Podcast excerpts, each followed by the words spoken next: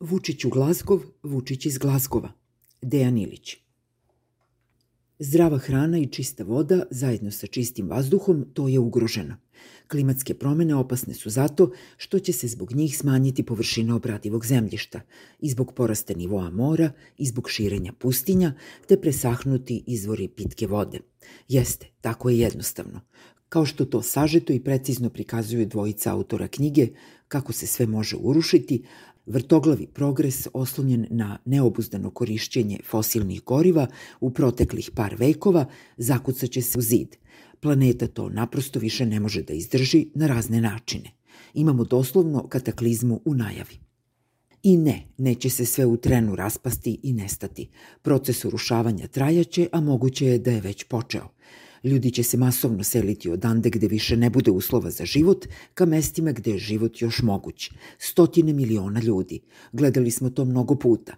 To je jedna od omiljenih tema distopijske naučne fantastike. Stari čitalac, moj vršnjak, seća se prvog Mad Maxa iz 1979. Mlađi su 2015. možda odgledali četvrti nastavak Mad Maxa. Te davne 79. film Georgea Millera zaista izgledao kao fantastika. Millerovo delo iz 2015. na ivici je realizma. Tako su se menjale stvari u protekle četiri decenije. Millerov imaginarijum u tih pola veka ostao je pak manje više isti. Osnovna premisa prvog Mad Maxa bila je utemeljena u realnim procenama naučnika da će zalihe fosilnih goriva uskoro biti na izmaku. Na tom uvidu Miller je izgradio zastrašujući svet borbe svih protiv svih za goli opstanak ali njegov film nije bio izuzetno uspešan kao realna opomena, već kao petparačka zabava – Mad Max četvrti deo takođe je zabavan, ali u novim okolnostima to više nije jeftina bezbrižna zabava. Da li je i koliko zabavno državnicima u Glazgovu na skupu UN-a o klimatskim promenama možemo samo da nagađamo. Delo je komično kada britanskog premijera napadaju što će se u London sa skupa u Glazgovu vratiti privatnim avionom, a ne recimo vozom te će tako svojim primerom pokazati kako nije mislio ozbiljno ništa od onoga što je rekao da će Britanija preduzeti kako bi se klimatska katastrofa izbegla. Na to služba za PR britanske vlade odgovara da je reč o posebnom avionu. Taj avion mnogo manje zagađuje sredinu od aviona koji britanski premijer inače koristi za putovanja. Eto ozbiljne kritike i ozbiljnog odgovora na nju. Mi možemo samo da se pitamo kako je u Glazgov stiglo ostalih dvestotinjak zvaničnika. Jeste, mogli su svi da se sretnu i na Zumu. Nije se desilo, pa se i Vučić zaputio u Glazgov i odande nam šalje sličice za spomenar. On s Makronom, on s Janšom, on s Ramom, on sa...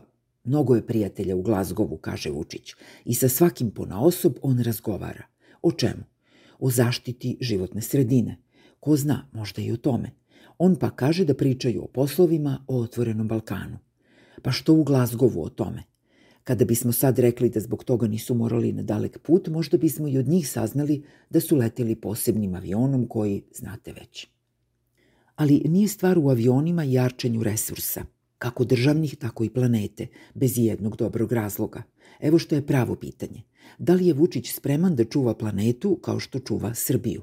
Ako je tako, onda je njemu morao biti strogo zabranjen dolazak u Glazgov, jer od Srbije posle Vučića neće ostati kamen na kamenu – Recimo, Srbiju COVID desetkuje, Vučić ne mari.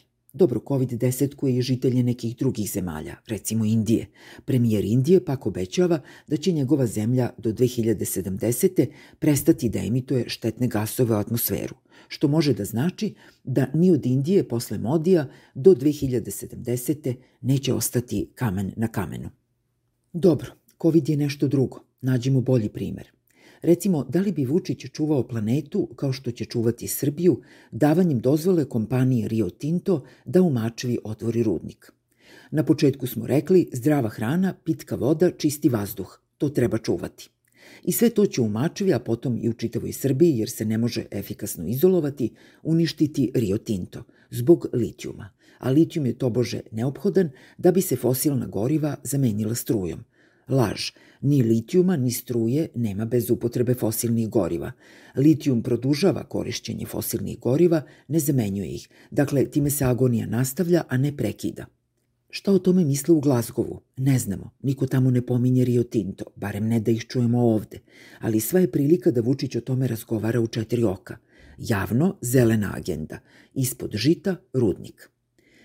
Da je sreće da ovde imamo ozbiljnog političara i da je jedan takav mogao otići u Glazgov, šta bi tamo radio i o čemu bi se dogovarao. O kvotama, naravno.